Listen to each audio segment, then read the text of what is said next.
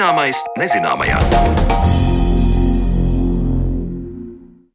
Labdien! Skan raidījums Zināmais nezināmajā. Producente ir Paula Gulbīnska un jūs uzrunā Mariona Baltkalne.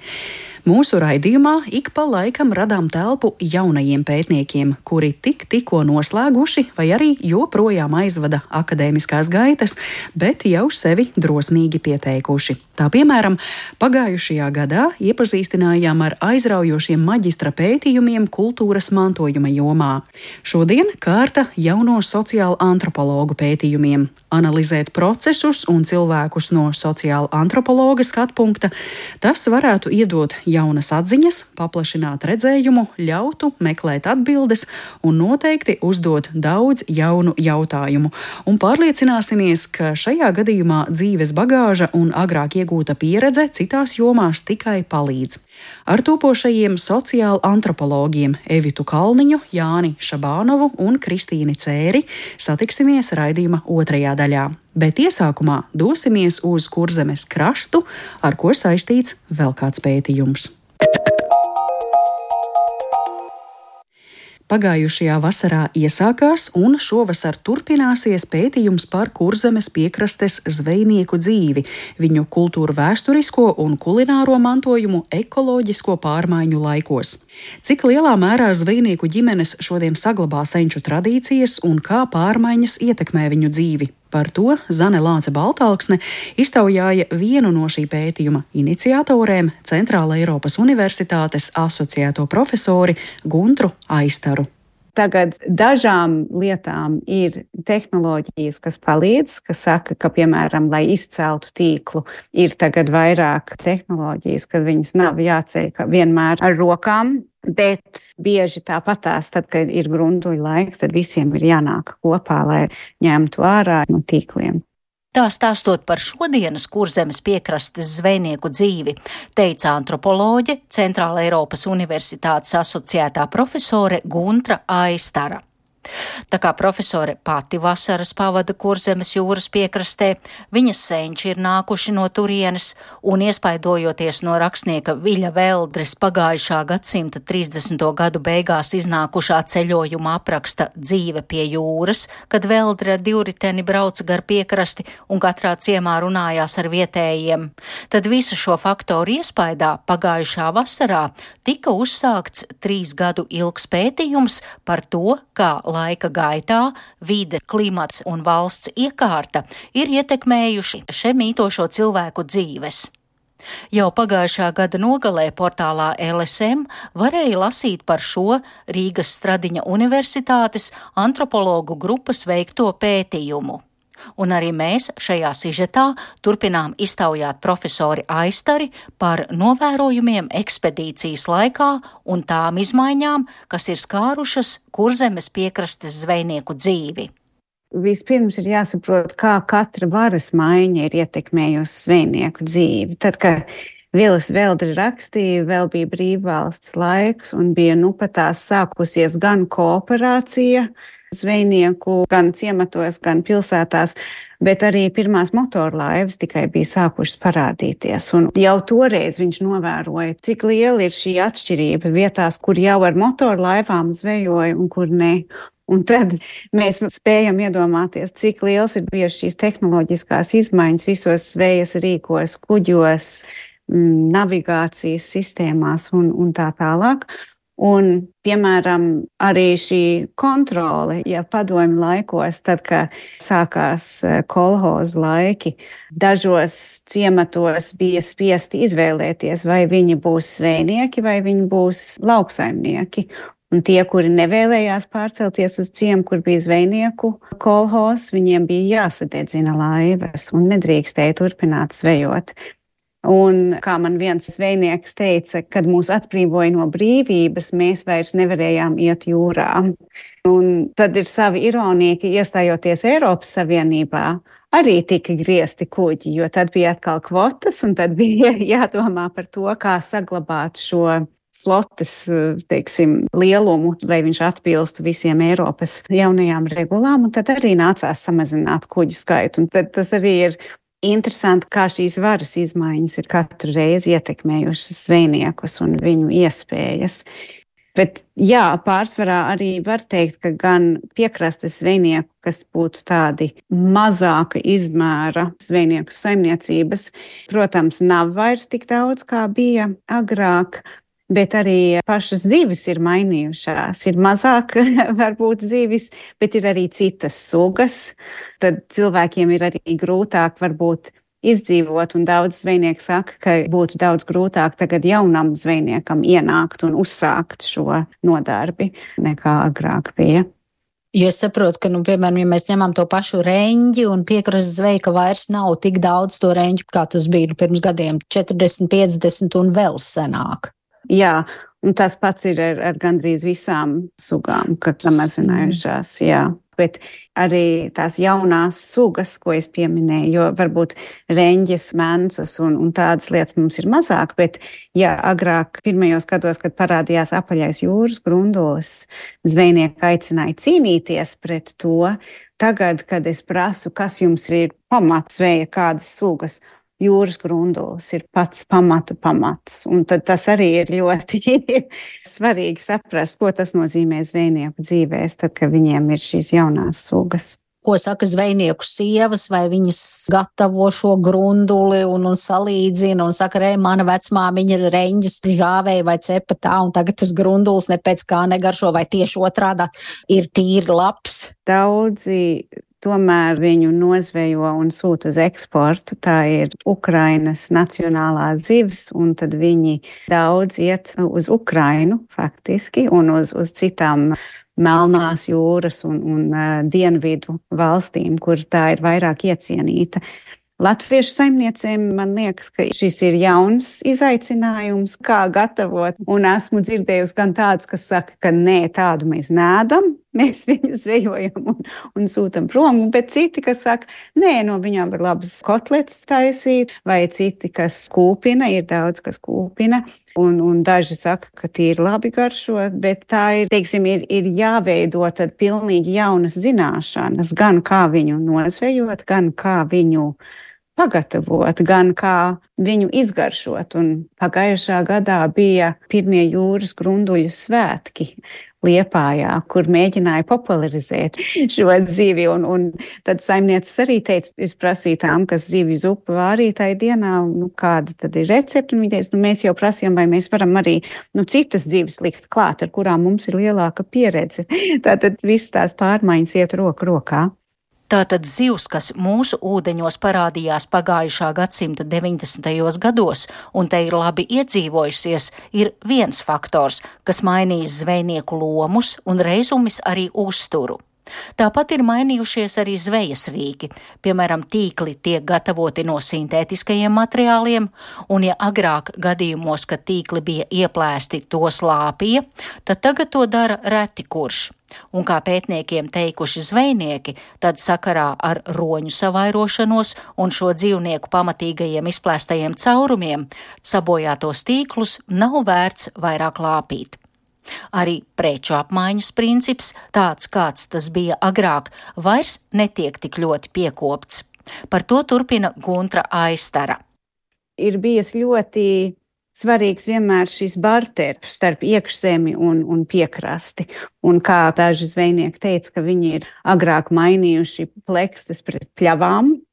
Pļavas tādā ziņā, ka drīkst nopļaut pļavu, lai būtu traknāks siens, ko barot savām govīm, kur varbūt savādāk tā piekrastes augsne nav tik auglīga. Un arī, protams, vienmēr ir ņemti jūras mēsli no jūras, lai liktu atpakaļ šos labumus augsnē, un arī barot cūkām. Tad agrāk tad teica, ka bekons tik garšīgs nāca no piekrastes, tāpēc, ka ēda šos jūras mēslus arī klāt piemaisīts pie barības. Tā kā visas šīs miedarbības ir, ir ļoti svarīgas. Runājot ar zvejnieku, nu, gan sievām, gan vīriem, cik lielā mērā kā viņi tās senču tradīcijas šodien saglabā un kādā veidā, kāds bija tas jūsu vērojums? Es teikšu, ka tradīcijas noteikti ir, bet viņas arī nemitīgi pārmainās. Saglabāt tradīciju, protams, nenozīmē dzīvot kā muzejā. Tas nozīmē, ka mēs ejam līdzi laikam un, piemēram, par to pašu bušu kūpināšanu. Ja mēs skatāmies arhīvu materiālos, kā ir aprakstīts, piemēram, pēdējos brīvvalsts gados, kā lībiešu krastā kūpināja zivis tad ir vietas, kur vēl joprojām tādā pašā veidā kūpina un gatavo, bet ir arī daudzi, kas pielāgojās. Jo, piemēram, viena zvejnieka mazmeita man stāstīja, ka viņa ir atjaunojusi dumbūdu, lai būtu tā kā bija vectētiņa laikā, taču vectētiņš varēja ar saviem draugiem divas dienas no kārtas sēdēt un uzmanīt šo dūmbūdu, kamēr bija augstā kūpināšana. Un tagad jau grūti tās divas diennaktis kādam novaktēt, kad ir citi darbi un, un citas lietas. Un tad ir daudzi, kas ir atraduši veidus, kā saīsināt šo, tad viņi varbūt nav tik ļoti cieti kūpināti, kā viņa bija agrāk. Jau tas bija arī, lai varētu tiešām visu ziemu viņu glabāt bez ledus skapja. Tagad arī varbūt cilvēkiem garšas ir, teiksim, tas, ko mēs vēlamies, ir mainījies, ka varbūt mēs vēlamies netik sāļu vai, vai netik cietu bet arī, piemēram, čiekurus lasīt, tas ir atkal uh, liels darbs, lai ar čiekuriem kurinātu. Tas nozīmē, ka varbūt izmanto skaidrs vai citas lietas. Tā kā mainās šīs tradīcijas, bet nu, viņas iet laikiem līdzi. Neraugoties uz valsts iekārtas vai vides maiņām, zvejnieki pielāgojas jaunajiem apstākļiem, lai arī bieži vien tagad ir grūti turpināt nodarboties ar senču arodu kā senāk, un bēdīgs ir arī fakts, ka reti ir redzams turpinājums zvejnieku dzimtām. Tā secina antropoloģe un Centrāla Eiropas Universitātes asociētā profesore Guntra Aistara. Zvejnieki māk pielāgoties, tad, kad parādījās jūras grundulis, tad arī daudzi izdomāja, kā var pārveidot savus zvejas rīkus, lai pielāgoties šim jaunam izaicinājumam un lika lietā savas zināšanas no citu sugu zvejniecības, lai varētu sākt zvejot arī šo jauno sugu un, un, un tā. Kā tas ir, vai vispār turpinājums ir tām senajām zvejnieku dzimtām? Jo man šķiet, nu, ka tagad jau jaunieši, ka viņi plūst uz pilsētu, viņi brauc vai nu strādāt uz ārzemēm, vai studēt Rīgā vai citviet kaut kur. Man liekas, ka šis ir sāpīgs jautājums, ka cilvēkiem piekrastē ļoti rūp, kāda būs šī nākotne. Daudzi tagad mēģina arī savienot ar eh, zvejniecību, ar turismu, piemēram, vai, vai ar citām iespējām, lai būtu šī iespēja izdzīvot. Dažiem ir dēli vai, vai mazdēli vai citi radinieki, brāļa dēls, kas vēlās turpināt un kas ir sākuši arī mācīties un, un iet līdzi, bet citi baidās, ka nebūs kas pārņems un ka tiešām nav to pēcnācēju šai profesijai. Un tad man liekas, ir, ir ļoti svarīgi arī šīs zināšanas mēģināt apkopot, un ir bijuši arī daudz citi projekti, kur mēģina skolās, piekrastes ciematos mācīt un parādīt un iesaistīt. Un man liekas, ka šis ir ļoti svarīgs moments, tā lai mēs spētu veidot šo piekrastes zvejniecības nākotni arī.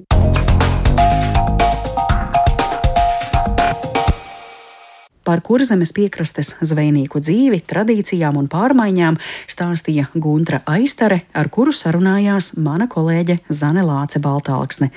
Bet pavisam drīz, noslēdzot savas akadēmiskās gaitas, virkni jautājumu no mācību spēkiem noteikti piedzīvos jaunie sociāli antropologi. Bet pirms tam mēs ar viņiem tiekamies raidījumā un iepazīstam viņu maģistra pētījumus. Par to visu pēc mirkļa.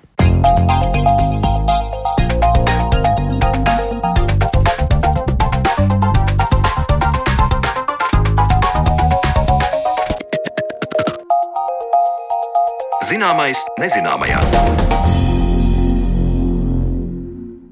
Sākot ar jauno vecāku rūpēm, beidzot ar atvaļinātu militāristu piedzīvoto, atgriežoties ikdienas dzīvē. Kā solīts, raidījumā iepazīsim jaunos sociāla antropologus un viņu pētījumus par Latvijas sabiedrību. Ko pētnieki uzzinājuši un kā notiek šādu jutīgu jomu izpēte antropoloģijā, kur saduras ticības, pārliecības, ikdienas sarežģījumi izglītības iestādēs un profesijas, kas maina cilvēka dzīvi un personu personību. Ar to tad šodien ir gatavi iepazīstināt Rīgas Stradiņa Universitātes sociāla antropoloģijas maģistrantūras studenti Evita Kalniņa, labdien! Labdien! Jānis Šabānaus, labdien! Sveicināti! Un Kristīna Cēre. Labdien! Labdien! Un, kā es saprotu, jūs esat liela notikuma gaidās, vēl tikai gaidāt savu akadēmisko darbu aizstāvēšanas procesu. Tā ka droši vien ir viegls satraukums, bet es ceru, ka tā mūsu šīs dienas saruna jums vēl labāk arī ļaus pietuvoties saviem darbiem, lai veiksmīgi to akadēmisko piedzīvojumu novestu līdz galam. Tātad runāsim par trim pētījumiem. Evitas pētījums vai dzīve bez sāls, profesionālais militārais dienests un dzīve pēc atvaļināšanās. Jāņa pētījums Mātes, kas staigā pa Latvijas ielām, mātišķības sociālā mēdījā Facebook grupā atsaucīgo māmiņu fórums un Kristīnas pētījums Bērnu dārzs kā loterija - rūpju darba deficīts pirmsskolas aprūpes un izglītošanas procesā. Mēs tuvāk aplūkosim jūsu katra darbu, bet eh, es sākšu ar jautājumu jums visiem trim kopā. Aktieriem bieži vien jautā, kā tad viņi ir nonākuši līdz konkrētās profesijas izvēlei.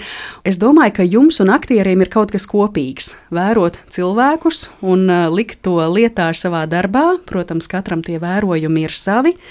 Kāds ir jūsu ceļš sociālā antropoloģijā? Proti, kā jūs esat nonākuši līdz šīm studijām un pētniecībai šajā jomā?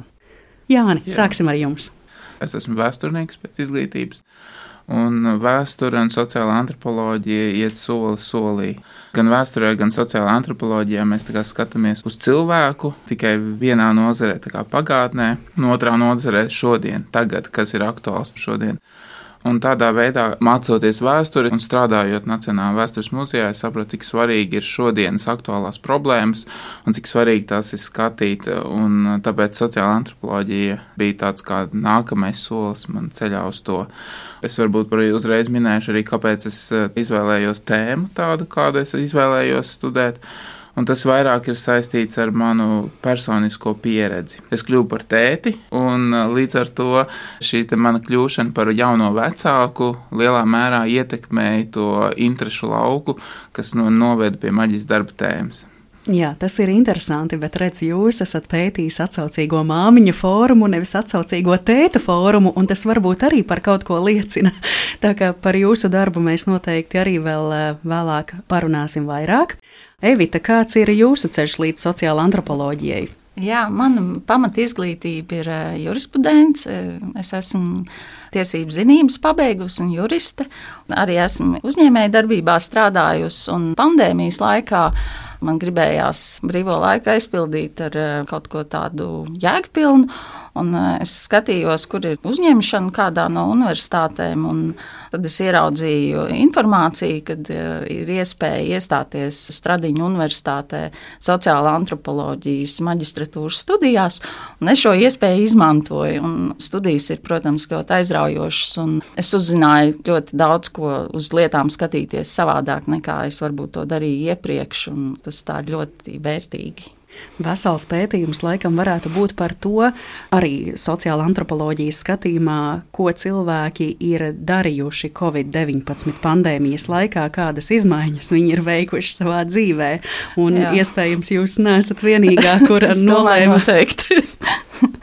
pievērsties eh, studijām, turklāt cilvēku pētījumiem. Jā, jā tieši, tieši tā. Mm. Kristīnai, par jūsu izvēli runājot, kāpēc sociālā antropoloģija arī tāds akadēmisks turpinājums kaut kam citam? Mana pirmā izglītība bija starptautiskās attiecības, un tad pēc vairākiem gadiem strādājot biznesa vadībā, es arī pabeidzu maģistra studijas starptautiskā biznesa vadības programmā Rīgas Tehniskajā universitātē. Un atceros, ka toreiz, kad mēs bijām svaigi absolvējuši, tad viena no manām kursabiedrēm teica, nu tagad varētu uz sociālo antropoloģiju iet. Un, uh, toreiz es domāju, ka man kādu brīdi pietiks tā pienākumu studēt, bet um, tā doma manī nosēdās, jāsaka, un kad pienāca laiks, es sapratu, ka tiešām tas ir kaut kas tāds, ko es gribētu apgūt padziļināti. Un jāsaka, ka nemirkli to neesmu nožēlojis, jo biznesa vadībā, teiksim, strādājot ar procesu vadību, arī patiesībā šis antropoloģiskais skatījums, kad ir iespēja paskatīties uz lietām un situācijām no malas, distancēti un saglabāt šo skatījumu situācijās, kuras reizēm šķiet pašsaprotamas, un tā dziļāk ieskatoties, eh, arvien vairāk saproti, ka viņas ir drīzāk kultūrāli noteikts nekā pašsaprotams. Tas ir ļoti, ļoti vērtīgi bijis manā profesionālajā pieredzē, bet savukārt man darba tēma ir ļoti tālu no tā, ko es daru ikdienā tā izvēle bija saistīta ar manu personīgo pieredzi, kad uh, mans bērns uzsāka bērnu dārza gaitas. Tad, protams, arī studiju ietekmē man bija daudz un dažādi novērojumi, kas likās ļoti, ļoti interesanti un saistoši. Tas, ko es novēroju bērnu dārzos, arī šo lielo pedagoģu ikdienas noslogojumu un dažādo resursu trūkumu, es aizdomājos par to, ka mēs esam it kā uz bērnu centrēta sabiedrība, tomēr vienlaicīgi mēs vērojam zināmas krīzes pazīmes pirmskolas izglītības sistēmā. Un, ja mēs patiešām esam uz bērnu centrēta sabiedrība un bērni ir svarīgi, tad patiesībā izglītības jomai būtu jābūt prioritārai un pedagoģa profesijai būtu jābūt vienai no prestižākajām, jo tie ir cilvēki, kas veic sabiedrībai ļoti, ļoti svarīgu darbu. Viņi aprūpē un izglīto bērnus. Un tomēr mēs redzam, ka īsti praksē tas tā nav. Šeit veidojas pretruna, kuru sociālā antropoloģija palīdz eh, šķietināt un saprast, kā šādas pretrunas ir iespējams, kāpēc viņi pastāv. Mm. Tiešām katrs esat ar tādu savu unikālo akadēmisko bagāžu jau iepriekš, ar personīgo dzīves pieredzi un arī kādiem personīgiem atklājumiem, sāpēm, kā jūs, Kristīna, tikko minējāt. Maģistra darbi skar bērnus, vecākus, pedagogus, militāristu dzīvi, bet tad eh, sāksim ar pēdējo pēdējo, un tāpēc arī raugos Evitas virzienā. Militārie jautājumi pēdējo divu gadu garumā ģeopolitisko iemeslu dēļ ir bijuši ļoti aktuāli, tie ir aktuāli joprojām, un tā visa rezultātā arī tiek runāts, kā piemēram pēc kara jutīsies karavīri un ka viņiem būs nepieciešama rehabilitācija. Nu, te es domāju karavīrus Ukrainā. Evita, vai tas noteica jūsu temata izvēli, vai arī tur bija kādi citi iemesli? Tur bija vairāki iemesli, bet eh, karš Ukrainā noteikti bija viens no šiem iemesliem, jo tik tuvu karš notiek un tas nevar neatstāt iespaidu uz mums. Un, um, man ir uh, arī personiska saikne. Man ģimenē ir militārists, un uh, šī joma tāpēc ir arī man diezgan uh, labi pārzināma. Lai gan es nekad neesmu nu, tā ļoti iedziļinājusies varbūt līdz šim viņa darbā, bet uh, Viņa ir tuvu bijusi daudzus gadus. Un um, varbūt pats tāds svarīgākais impulss bija mums pavasarī bija no Oksfordas Universitātes pasniedzēja profesora Dats Denovska vieslekcija. Un uh, viņa mums ieteica tādu literatūru, kanādas antropologa Hervēja Zēbera pētījumu par Krievijas Čečenijas kara veterānu motivāciju doties karot Ukrainā, ka cilvēkam ir tik tālu zudus jēga, ka viņš neko citu vairs negrib, kā tikai karot. Un, um, kas tad ir īpaši vispār karavīriem, kāpēc viņi ir tik ļoti atšķirīgi? Jo nu, ir jau arī medicīnas māsas un dažādi loģistikas pakalpojumi, ko sniedz kardarbības zonās vai piefrontes zonās. Prombūtne no ģimenes un ciešas tūniecības saiknes ar kolēģiem jau veidojās daudz profesiju pārstāvjiem, sportistiem, diplomātiem, tālbraucējiem, jūrniekiem. Nu, tur var uzskaitīt un uzskaitīt, bet tai pašā laikā tikai karavīriem Šis attālums ir saistīts ar dzīvības risku un nāves pieredzi. Citās profesijās nu, tomēr eh, tas nav tik ļoti izteikts. Un papētot dziļāk mūsu militāro sfēru Latvijā, aizsardzības, tad atklājās, ka ir liels disbalans. No vienas puses, valsts mērķiecīgi veido tuvas radnieciskas saiknes ar karavīriem, Bet tad, kad viņi atvaļinās, tad par viņiem tiek diezgan aizmirsts. Un tad ir sabiedriskās organizācijas, kā Latvijas armijas veterānu asociācija, Nāmēja fonds, kuras aktīvi darbojās, lai atcerētos savējos, lai pievērstu uzmanību, lai atbalstītu grūtā brīdī karavīrus, tad, kad viņiem tas ir nepieciešams arī pēc dienas, pēc atvaļināšanās. Un um, karavīrs ir uh, profesija uz visu mūžu. Tā nav tikai uz to laiku, kamēr ir noslēgts līgums par profesionālo dienestu. Pirmais jautājums, kad viņiem uzdod, kas viņi ir, lai pastāst par sevi, viņi sevi asociē ar karavīru. Mm. Viņi citi jau strādā citā sfērā pēc atvaļināšanās, pilnīgi nesaistītā ar militārismu. Un, uh, jebkurā gadījumā, primāri viņi ir karavīrs. Mm. Man ļoti interesē tā praktiskā puse, kā jūs veicāt izpēti. Tikāties ar mūsu vēl dienestā esošajiem karavīriem vai arī atvaļinātajiem, veicāt salīdzinājumus, novērojumus, intervijas. Jāsaka, uzreiz šī sfēra vispār ir ļoti konfidenciāla, ļoti slēgta un um, ar um, pašreiz dienošajiem karavīriem man oficiālas sarunas nedrīkstēja būt, jo NBS un aizsardzības ministrija ļoti noraidoši attiecās pret pētījumu. Viņi man ļoti negribīgi sniedza tikai dažus statistikas datus, un, jo visur ir dati ierobežot pieejamību, sensitīvie dati, un savukārt paši karavīri, tie ir atvaļinātie karavīri, ar kuriem es tikos. Viņi bija ļoti atvērti un stāstīja gan par savām sāpēm, gan par savām sajūtām, gan par uh, to, ko viņi domā, bet uh, man viņi darbā viss ir anonimizēti, un sociāla antropologiem tas vispār ir ļoti raksturīgi, ka mēs savus informantus anonimizējam, un mēs tikai zinām paši, ar ko mēs esam runājuši. Tā. Tās bija intervijas ar tiem atvaļinātajiem. Jā, bija desmit intervijas, kas bija daļai strukturētas intervijas, ar kuriem es tikos, bet ņemot vērā manu tā teikt, saistība ar militāro sfēru. Es eh, ļoti daudz laika esmu pavadījusi arī neformālās sarunās ar karavīriem, dažādos pasākumos, publiskos, mazāk publiskos, arī ar ASV karavīriem. Esmu bijusi kontaktā, jā, apjautāties, kā viņi jūtās, kā viņi sevi pozicionē. Un tādā veidā salīdzināt, kā ir pie mums. Un, protams, arī dažādas literatūras analīzes un pētījumu. ASV veic ļoti daudz pētījumus, Izraela veic ļoti daudz pētījumus, jo viņiem ir nepārtraukti aktīvas kardarbības, un līdz ar to tas viņiem ir aktuāli. Nu, tā.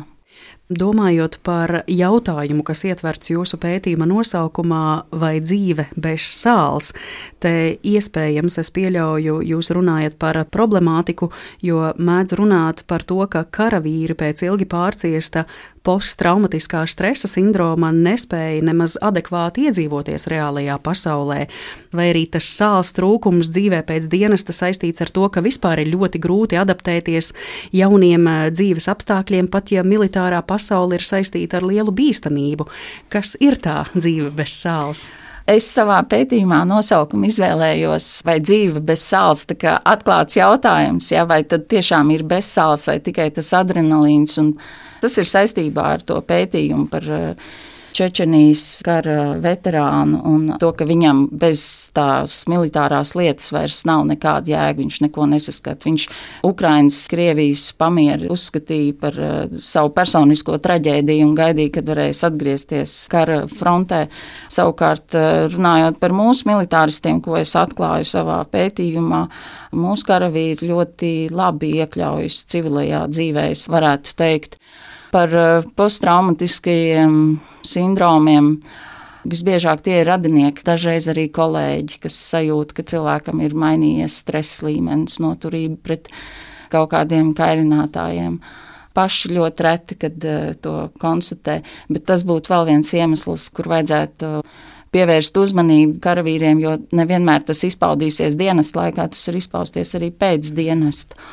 Un um, ir arī dažādas citas lietas, piemēram, veselības problēmas. Jā. Dienas laikā it kā viss ir labi, bet pēc atvaļināšanās parādās veselības problēmas. Tad, uh, Dažādas traģēdijas, un tad nav īsti kas atbalsta, jo NBS atbalsta veselības aprūpi tikai kamēr ir dienests, bet kad beidzās, tad tas vairs nenotiek. Un man konkrēti viens pētījuma dalībnieks, viņam bija situācija, ka viņam atklāja onkoloģisko audzēju šis medikaments, kas viņam iedarbojās uz viņa audzēju, nav valsts kompensēto medikamentu sarakstā, bet uh, tieši uz vīriešu slimībām, savukārt sievietēm pie krūts vēža, dzemdas vēža šis medikaments ir kompensējamo medikamentu sarakstā. Un tur veidojās vēl tāda nu, dubulta paradoxāla situācija, ka pirmkārt viņš visu savu dzīvi ir kalpojis valstī, ir devis savu spēku valstī. Tagad, kad viņš ir slims, viņš ir atvaļināts, bet viņam medicīniskā komisija nolēma, ka uh, tur nav cēloņu sakarības starp dienas laikā gūtām traumām un šo brīdi, kad viņam konstatē slimību, un rezultātā viņam nav kas apmaksāt to nu, tā. Sāpīga viela pārdomām. Vai ir vēl kas būtisks, ko jūs vēlētos pieminēt pie secinājumiem? Jā, karavīri lielākoties viņi arī paši atzīst, ka uh, pozitīvākais, ko viņi ir guvuši savu dienas laikā, ir izglītība. Tā izglītība ir tiešām unikāla jo viņi izglītojas eh, visas savas karjeras laikā. Tie ir 20, 30 gadi, ja, un eh, viņi nepārtraukti ik pa periodam iet kursos, brauc dažādos komandējumos, kur apgūst jaunākās tehnoloģijas. Un, dažādas zināšanas, un no valsts puses, es teiktu, ļoti viegli prātīgi šīs zināšanas tā palaist vējā pēc tam, kad tie dienesti gadi ir aizritējuši. Tāpat uh, sportā var pielietot daudz zināšanas, kā treneri, kā konsultanti, mācību spēki. Ja. Un daudz karavīri arī to dara, un daudz ir, kas zemesardzē nodarbojās pēc atvaļināšanās. Tad uh, vada jauniešiem, piemēram, izdzīvošanas kursus mežā vai tur jaunsargiem nodarbības. Ja. Es teiktu, misijas sajūta viņiem ir, ka tās zināšanas ir pēctecīgi jānodod. Ja. Ir īpaši, es domāju, šajos apstākļos, kad mēs ļoti daudz runājam par civilo drošību un cik sagatavota ir mūsu sabiedrība sabiedrība, cik fantastisks resurss patiesībā ir šie cilvēki, kuri var sniegt savas zināšanas un prasmes. Un kā redzams, tad kaut kur tas notiek, bet to būtu vēlams sekmēt. Jā. Labi, tagad es gribētu pievērsties Jānim. Jāni, jūsu uzmanības lokā bija atsaucīgo māmiņu fórums, vietne, kurā vecāki meklē padomus, bet dažkārt arī visai nopietni strīdas par bērnu audzināšanu. Man uzreiz uzmanību saista nosaukums - atsaucīgo māmiņu fórums. Tā tad nevienkārši fórums. Varētu domāt, ka tur ir īpaši atsaucīgi cilvēki. Kas tad raksturo šo vietni, šo fórumu, vai tur var kaut kā pilnākā spektrā redzēt uh, audzināšanas paradumus Latvijā? Kāpēc jūs to izvēlējāties? Jā, atsaucīgo māmiņu fórums, un uh, man liekas, tas nosaukumā minētais mātes, kas staigā pa Latvijas ielām, uh, ko es aizņēmos no mana pētījuma dalībnieka teiktā, atspoguļo notikums formā tajā ziņā, ka tas, kas parādās tur, šajā digitālajā telpā, vidē, tas ir arī tas, kas parādās Latvijas sabiedrībā, un tas, kas parādās uz ielām, un tas, kas parādās mūsu mājās. Atsaucīgo māmiņu formas tā ir vieta, kurā tiešām mēs varam nu, tādā unikālā, diezgan unikālā resursā vai unikālā ietvarā ieraudzīt to, ko nozīmē būt mammai Latvijā un ko nozīmē mātišķība Latvijā. Jo, ja mēs tā paskatāmies, mātes tā viena no tādām sociālām problēmām, ko mēs redzam un par ko pēdējā laikā varbūt jau drusku vairāk runā, ir tas, ka mātes ir diezgan sociāli izolētas. Un ja kādreiz mēs runājām par tādu kā ciemu un atbalstu, kur lūk sanāk ģimene un palīdz mātei, tad šodien mūsdienu mūsdienu liberālā sabiedrībā tā nukleārā ģimene ir kļuvusi par tādu formu, kas savā ziņā to māti ir ierobežojusi ļoti šaurā ģimenes lokā, kur ir tēvs, māte, bērni un reti, kad vecmāmiņa un vēl kāds. Un tad man pirmā doma, uzsākot šo pētījumu, bija, vai atsaucīgo māmiņu fórums, kas Latvijā ir šobrīd jau 40 tūkstoši dalībnieku, kur lielākā daļa tiešām ir mammas, mātes, vai tā varētu būt tā tāda alternatīva šim atbalstošiem ciemam, kurš palīdz sniedz padomus. Un tas mans atklājums bija, kad nē.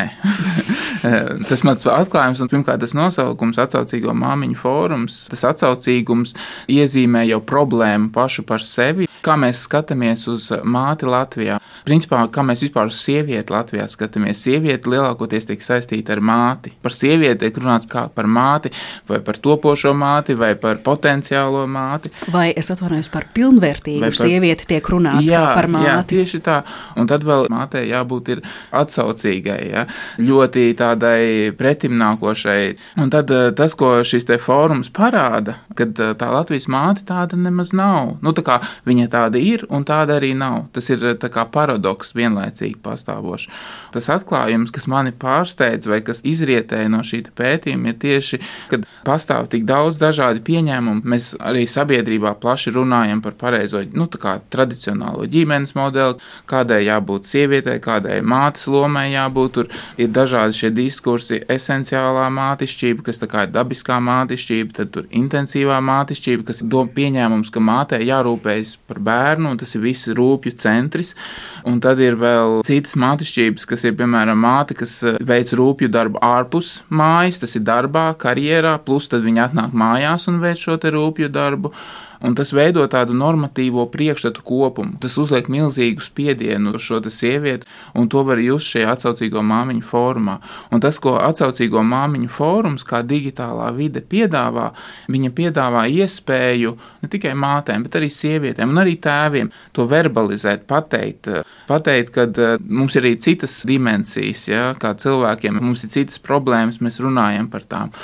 Un, manuprāt, šis atsaucīgo māmiņu fórums ir tāds, kā es savā darbā vienā brīdī to nosaucu par tādu haosu. Tas ir tāds organisms, sociāls organisms, kurā visu laiku notiek dinamisks pārmaiņas starp tādiem normatīviem pieņēmumiem un tādiem alternatīviem pieņēmumiem par to, kas ir māte. Piemēram, alternatīvs mātes pieņēmums ir solo mātes, kas ir ļoti daudz Latvijā. Un tas veido tādu mātes kolāžu vai mātišķības kolāžu. Un, lai saprastu, par ko tad mans mans darbs ir izdalīt, ko nozīmē īsti māte un ko nozīmē mātišķība, jo tās ir divas dažādas lietas. Mēs gribam pieņemt, ka mēs runājam par mātēm, un tad mums ir skaidrs, par ko mēs runājam. Tas ir diezgan vienkāršs jautājums, māte, un mēs tāpēc arī daudz publiskajā telpā par to nerunājam. Un arī Latvijā, piemēram, akadēmiskajā vidē nav daudz pētījumu par to, kas tad ir tā māte, ko tas nozīmē. Bet tad, kad mēs paskatāmies lūk, no tādas sociālā antropoloģijas puses, ko tas īsti nozīmē, tad atklājas tā aina daudz sarežģītāka un daudz komplicētāka. Un tad tā mātišķība parādās šajās daudzajās dimensijās, šajās daudzajos stāstos un dažādajās izpratnēs. Jo tad, kad uzdod sievietei jautājumu, ko nozīmē māte, kas ir māte, uzreiz iestājas tāda klusuma pauze. Uzreiz mēs nevaram nemaz atbildēt, ko tas ietver. Vai, piemēram, sieviete, kura vēlās bērnus, bet nevar kaut kādu bioloģisku vai medicīnisku iemeslu dēļ bērns, vai viņa ir māte vai nav, vai sieviete, kur ir zaudējusi bērniņu, vai viņa ir māte vai nav, vai sieviete, kurai ir bijis aborts, vai viņa ir māte vai nav. Tā kā visi šie sarežģītie jautājumi, un arī ko nozīmē tagad tev ir viens, divi, trīs bērniņi, ko nozīmē būt mātei, kas ir tā pareizā māte vai ideālā māte vai nepareizā māte pēdiņās. Ja? Tā kā tie ir tādi jautājumi, kas padara šo fenomenu daudz komplicētāku. Jūs secinājāt, ka šis fórums īsti līdz galam arī nav tā vieta, kur, piemēram, tās māmiņas, kuras jūtas izolētas, auklējot bērniņu, gūtu to atsaucību vai varbūt kaut kādu to izteikto sociālo dzīvi. Kā jūs to secinājāt, pētot tās diskusijas, tos jautājumus, arī pašam personīgi vēršoties pie tām sievietēm un arī vīriešiem, kuri fórumā iesaistās? Jā, pētījums nav tāds tradicionālais, arī antropoloģiskais pētījums, bet uh, ir digitālā antropoloģija, kas arī ir savā ziņā jauns lauks. Vismaz Latvijas kontekstā fórums ir kā teksts. Lielākoties tad es analizēju tekstu, Tas ir, ir tie jautājumi, kas ir komentāri. ieraksti, komentāri, mm. un tā analīze arī, un arī šis formāts, kā notiek šīs sarunas, ietekmē varbūt veidu, par ko mēs runājam un kā mēs runājam. Un tad, protams, intervijas, tas ir daļai struktūrētās intervijas ar fórumu veidotājiem, administratoriem, ar mātēm, ar tēviem, gan tiem, kas ļoti aktīvi izmanto šo fórumu, gan tiem, kas ir pasīvie izmantotāji, kas, piemēram, nepiedalās sarunās. Un tad es arī arī intervēju cilvēkus, kas neizvēlās fórumu, vai viņi ir pret šādu digitālo vidi. Protams, arī tādus cilvēkus, kas kā, ir bijuši dalībnieki šajā fórumā un pēc tam ir atsacījušies no šī fóruma. Mm. Un tad man vēl ir trešā pieeja, mana personiskā pieeja. Es veicu autoetnogrāfisko pieeju. Tas nozīmē, ka es rakstīju dienas grāmatu un skatījos, kā manā personiskajā dzīvē, caur manu sievu, bērnu, tas, kas notiek gan fórumā, gan tajā, ko es pieredzu, redzu, kā tas savstarpēji savijās un veidojas, kā es lietoju tehnoloģijas, kā mēs ģimenē lietojam, kā mēs risinām šos jautājumus, kas rodas. Jo tieši tā diena dienā saskaroties ar šīm problēmām, kas tiek risināts šajā fórumā, es kā pētnieks ar savu personisko pieredzi varēju saprast, nu, kur rodās šīs problēmas un kā viņas atrisināt un kāpēc es meklēju padomu tur un nevis citur. Mm, labi, bet vēl gribētu arī pievērsties eh, Kristīnas darbam, un te es īstenībā samanu līdzības ar to, ko Jānis eh, nu pats stāstīja. Jā, ģimene, bērni, bērnu dārzi. Jūs jau, Kristīna, arī minējāt par to impulsu, kas deva pievērsties ehm, šim tematam, jūsu personīgā pieredze un bērna palaišana tautās, bērnu dārzā. Arī par pētniecības eh, metodi gribētu saprast, kā jūs to praktiski īstenojāt. Savu darbu primāri es balstīju uz vecāku intervijām, daļēji struktūrētajām intervijām, un tajā iegūtos datus validēju savā lauka darba, gūtajā pieredzē, kuras guvu vienā no privāti veidotajiem Rīgas bērnu dārziem. Atziņas papildināja arī ar pedagoģu intervijām, ar publisko diskusiju analīzi, un savā darbā izmantoju arī konta analīzi, kurā es pētīju pedagoģijas bakalaura un maģistra darbu tēmas, lai padziļinātu, saprastu šos pedagoģijas jomas aktuālos jautājumus un sociālā pieprasījuma izmaiņas pēdējo 20 gadu laikā. Un uh, savu darbu es izvēlējos balstīt uh, holistiskā etnogrāfiskā pieejā. Tā ir pieeja, kas apvieno gan šo vecāku, gan pedagoģu, gan arī sociālās vidas analīzi un tādā veidā izmantojot šo pieeju stiprās puses, izskaidroju šo institūciju, pedagoģu un vecāku miedarbību.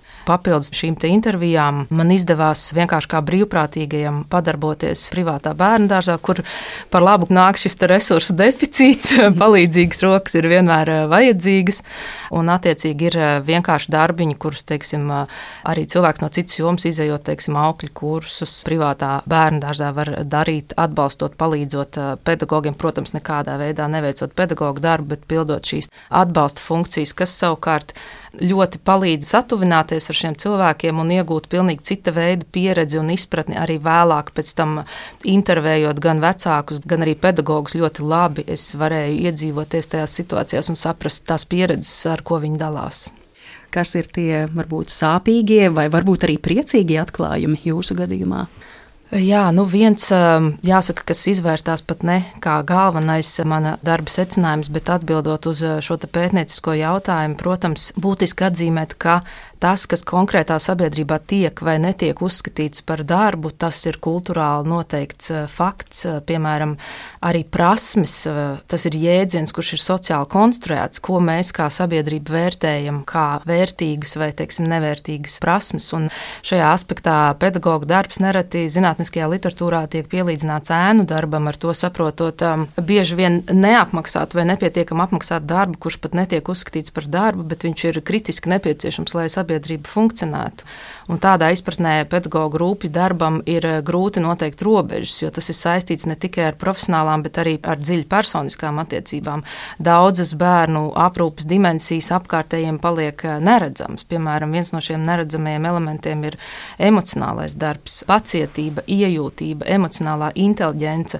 Tie nav darba aspekti, kuriem tiek piemērot izmērāmi kritēriji, bet tajā pašā laikā tā ir ļoti būtiska pedagoģa darba daļa, ārkārtīgi svarīga bērniem, iespējams, pat svarīgāk par iemācītu dzējolīti, bet nav atskaites sistēmas, kas eh, to ietvertu kā faktoru vērtējumā. Savā pētījumā es pētu to, kā kaut kādu darba jomu nenovērtēšana un šādi struktūrēti, iedarināti aizspriedumi un kaut kādu darba kompetenci neredzēšana rada patiesībā sabiedrībai nozīmīgas ekonomiskas un ne tikai ekonomiskas sekas. Un viens no tādiem secinājumiem manā darbā, kur es negaidīju tur ieraudzīt, bet kurš izrietēja noteikti no pētījuma datiem, bija tāda ļoti būtiska konsekvence pieaugušo pieņēmumos par to, ko nozīmē īstā dzīve, kuram tiek gatavoti bērni. Ar šo īstās dzīves konceptu, protams, tiek saprasts bērnu skolas gaitas, un audzinot bērnus ar mērķi būt gataviem skolai, būt gataviem būšanai sabiedrībā, es vēroju pieaugušos neatkarīgi no viņu vecākošanas stratēģijām vai neatkarīgi no pedagoģu izmantotajām pedagoģiskajām stratēģijām, ir tāds liels pieņēmums par agresīvām attiecībām kā sociālu normu. Attiecīgi mēs audzinām bērnus ar mērķi izaudzināt bērnu, kurš spēs par sevi pastāvēt, kurš neļaus sevi apbižot, kurš tādējādi būs gatavs īstajai dzīvei. Un tas, kas notiek faktiski, caur šādu audzināšanas stratēģiju neapzināti un noteikti negribot, zināma agresija tiek akceptēta kā tāda nevēlama, bet neizbēgama realitātes daļa kā neizbēgams sociālās eh, kārtības priekšnoteikums. Un šīs prakses un šīs sociālās normas pieaugušie iemāca un tālāk nodod bērniem, gatavojot viņus eh, skolas gaitām un būšanai sabiedrībā kopumā.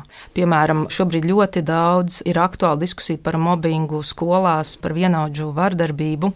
Jāsaprot, ka tie bērni nenokļūst skolās no citas planētas, pēkšņi no kaut kurienes citurienes. Viena lieta, kas mani pārsteidz, bija tas, ka patiesībā mūsdienu Latvijā praktiski visi bērni skolās nonāk ar bērnu dārza pieredzi daudz vairāk nekā pat tas bija padomju gados. Jo pētījuma datos tātad es secināju, ka būtībā, ja mēs runājam par eh, pirmskolas vecuma bērniem no 1 līdz 7 gadiem, tā ir diezgan plaša amplitūda. Padomju gados tas bija 61%, kas apmeklēja bērnu dārzus. Tas ir konkrēti 1985. gada dati. Tad eh, šobrīd šajā mācību gadā tie ir 83% bērnu. Un tas nozīmē to, ka būtībā šādā ļoti agrā vecumā neapzināti jau bērni tiek mācīti par to, ka šīs dominējošās attiecības ir tāda neatņemama sociālās kārtības sastāvdaļa.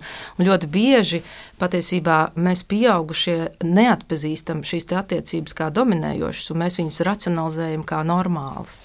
Nu jā, viņš nonāk tajā vidē, kurā tam bērnam ir automātiski par kaut ko jācīnās, vai nu par kaut kādu tur mantiņu, vai jācīnās par pielāgošanos iekšējai kārtībai, un tā tas varbūt aiziet. Un tā tad arī es saprotu, ir tā loterija, jā, cik veiksmīgā varbūt vai mierīgā vidē tu nonāksi un par kādu cilvēku tu izveidosies. Jo es saprotu, ka jūsu gadījumā loterija tas nav stāsts par to, vai bērns vispār tiks bērnu dārzā, jā, bet par to, kāda personība veidosies. Gan drīz jāsaka, gan, gan, bet patiesībā šis loterijas princips, protams, izriet no pētījuma intervijām. Viens no biežākajām frāzēm, ko es dzirdēju no vecākiem, bija: Mums baigi paveicās, vai arī mums reāli nepaveicās ar eh, grupiņu, vai bērnu dārzu, vai audzinātāju, vai teiksim, vecumu, kurā bērns tiek eh, šajā grupiņā. Un īpašu prieku par labas vietas iegūšanu savam dēlam bērnu dārzā viena no pētījuma dalībniecēm tā arī nosauc par reālu laimestu loterijā. Mm. Un šis veiksmes faktors savienojums ar bērnu aprūpi šķiet tāds ļoti daudznozīmīgs. Jo, piemēram, meklējot bērnam auklīti, vecāki nesaka, es izvēlēšos pirmo vai trešo, kas ienāks pa durvīm. Nu, pamēģināsim. Jo skaidrs, ka uh, katrs vecāks grib savam bērnam labāko un teiksim, paļaušanās uz loterijas principu tajā vēlmē šķiet neiederīga. Bet tomēr tajā pašā laikā tā ir plaši sastopama bērnu dārza izvēles kontekstā. Un tas, protams, norāda uz sistēmisku resursu nepietiekamību, kad piekļuve resursiem kļūst kā laimests loterijā. Un, protams, tas iezīmē arī zināmas deficīta pazīmes um, šajā izglītības sistēmā un liecina arī par tādu īpatnēju resursu sadales un pārdales mehānismu, ko es pētu savā darbā.